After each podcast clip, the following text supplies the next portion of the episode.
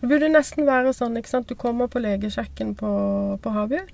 Så skal du måle vekt og, og høyde og kontrollspørsmål om eh, spiser de, og masse Kan du stå på ett bein og sånn og sånn. Mm. Så det burde være et sånn et punkt også hvor man snakker litt om hvordan har man det egentlig. Og når man da forteller hvordan man har det, Mm. så burde det tørres å gå litt mer i dybden.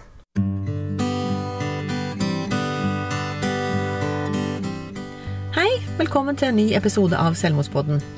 Poenget med podkasten vår er at ikke én til skal velge selvmord.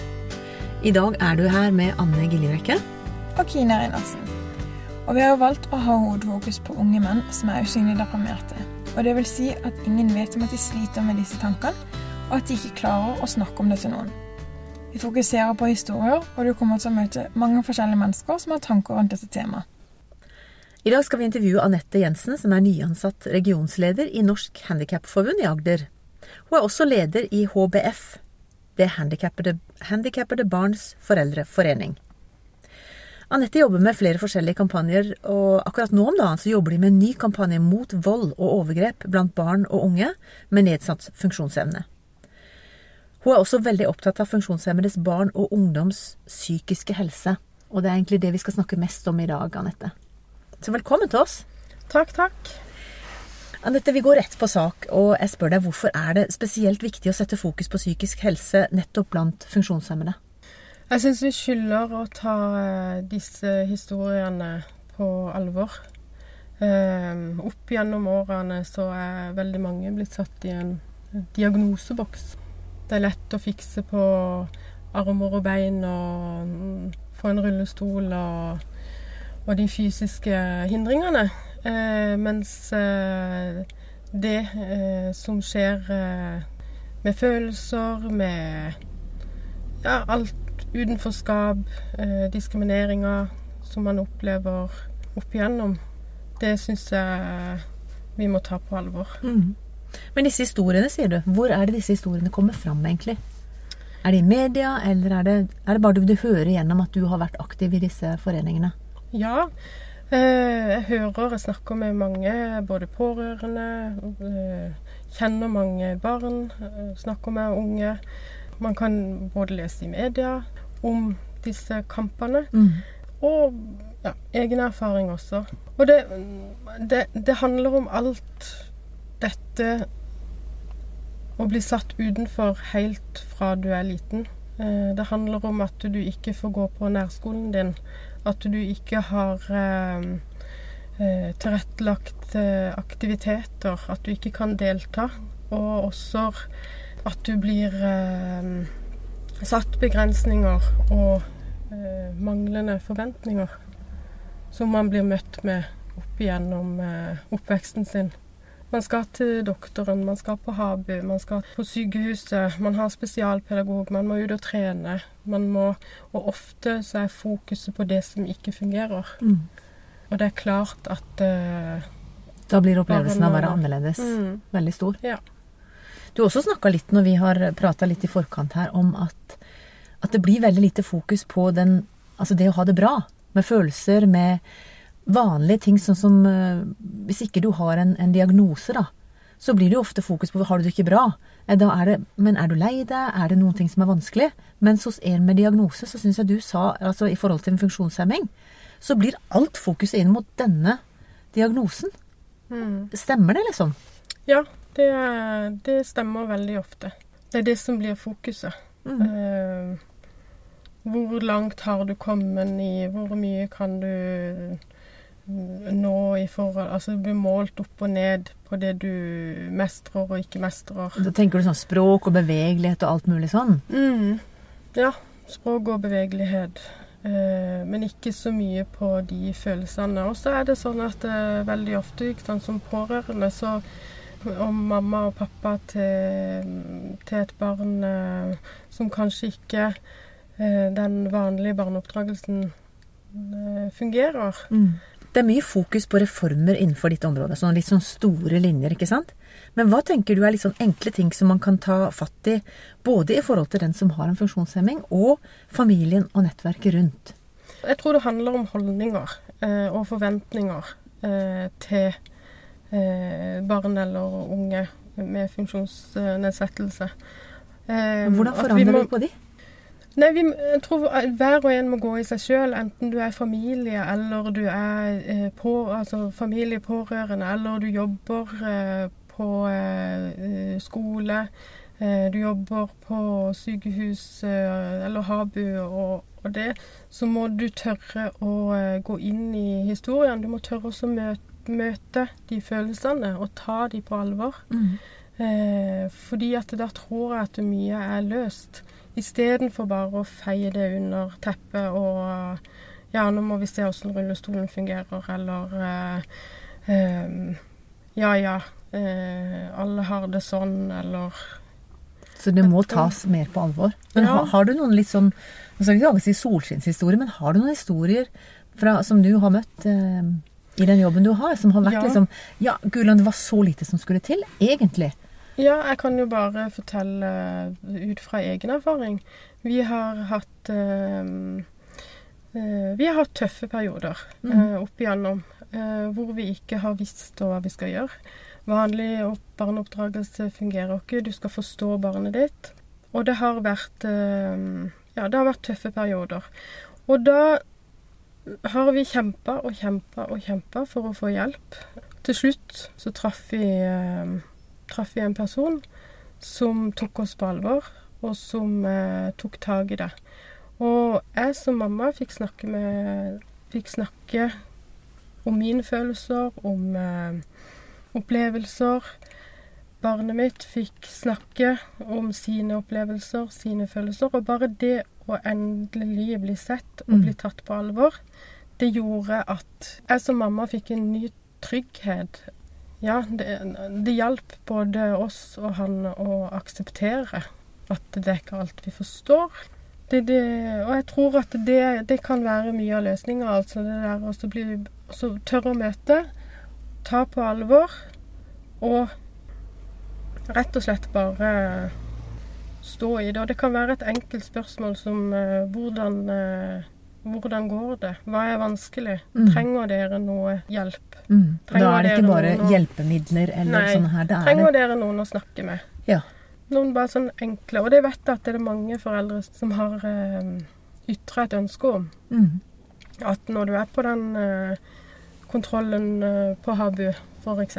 Mm. Eh, at Du må bare forklare hva Habu er for noe, eller bare si hva det er. Habiliteringstjenesten for barn og ungdom. Så der får man ofte hjelp hvis man har en, en diagnose i forhold til en funksjonshemming, er det sånn? Ja, og så går man på legekontroll eh, sånn en gang i halvår eller en gang i året. Men det handler mye om disse fysiske tingene, eller Mm. språk, eller bevegelse, Ja. eller sånne ting. Det gjør det. Ja. Det handler veldig mye om de. Og så er det mange som skulle ønske at, eh, at de hadde fått et sånn et spørsmål. Bare hvordan går det? Mm.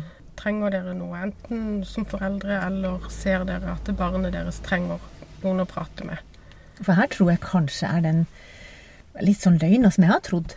At eh, hvis man bare får en sånn diagnose man er inne i et system, så er det så mye oppfølging av familien, og det er avlastninger, og det er masse sånn her. Sånn at dere er så godt tatt vare på på alle plan. Men det er ikke helt sant. Nei, det er ikke helt sant. Og jeg hadde nok også den opplevelsen og den troa eh, før jeg fikk et barn, et handikappa barn sjøl. Mm. Når du dumper inn i den hverdagen, eh, og den verden, så er det mm, Så er det ofte en kamp mot systemet. Det går på alt mulig. Det kan gå på at ikke skoler er tilrettelagt. Det kan gå på at du må følge med om eh, om de får den språktreninga de trenger, fysioterapeuten eh, Ja, det handler om eh, Det er veldig mange kamper. For Mm. ikke å si avlastning, som du var innom. Men i forhold til psykisk helse er det ingenting. Altså, opplever du nesten at du blir kasta mellom flere av disse her eh, tilbudene som fins? Ja, jeg vet ikke om det fins noe tilbud. I hvert fall så er min erfaring at du må eh, Du må be om det.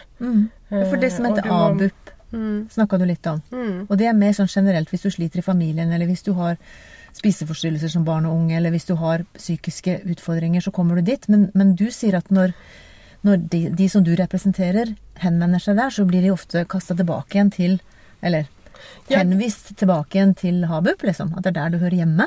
Ja, det, det er min oppfatning. At eh, når eh, hvis, Spesielt hvis du har en kognitiv utfordring, så eh, hører du på en måte ikke hjemme under ABUP.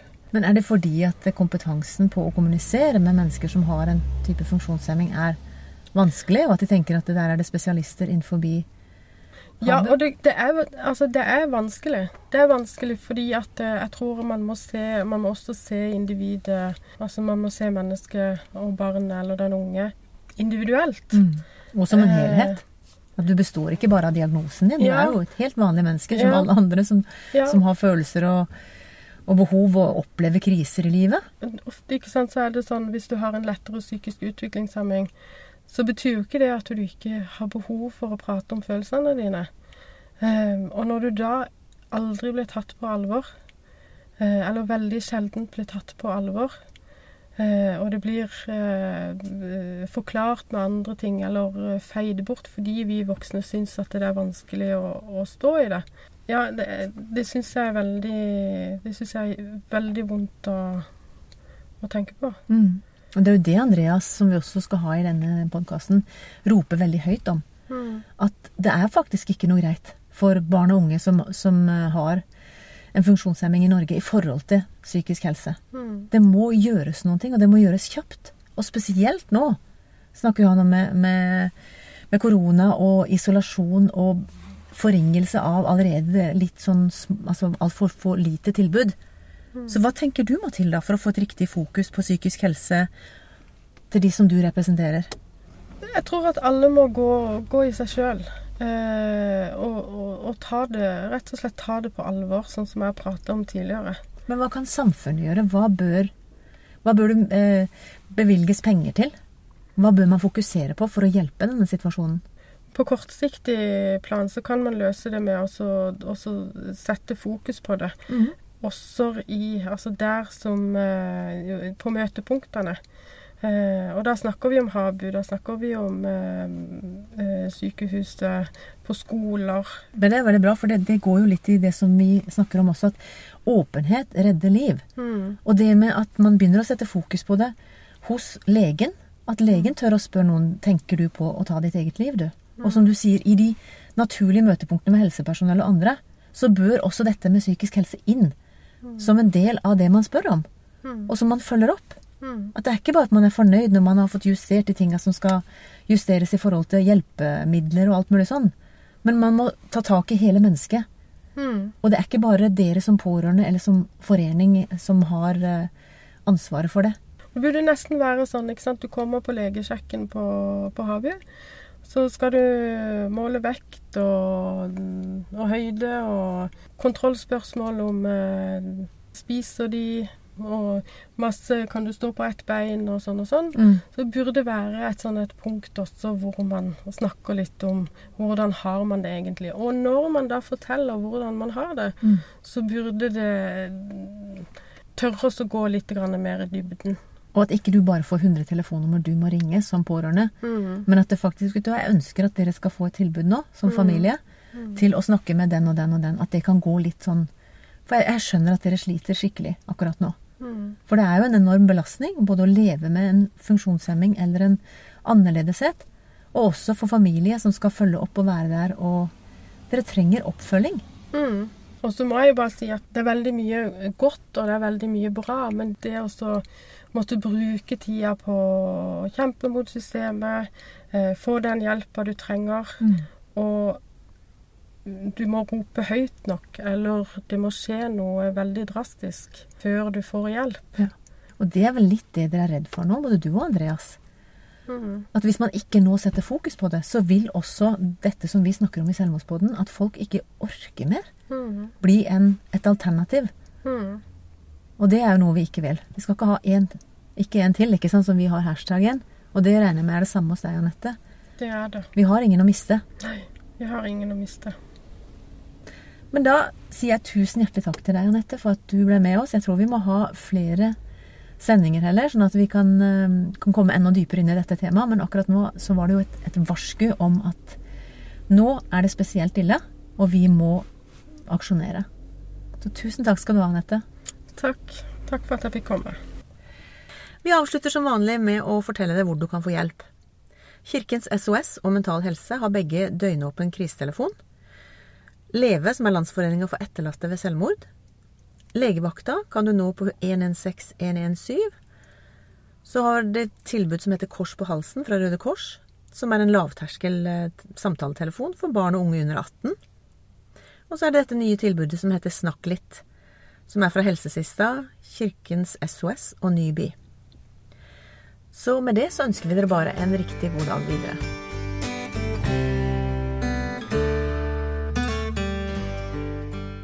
Velkommen til Kjemperådet! Yes.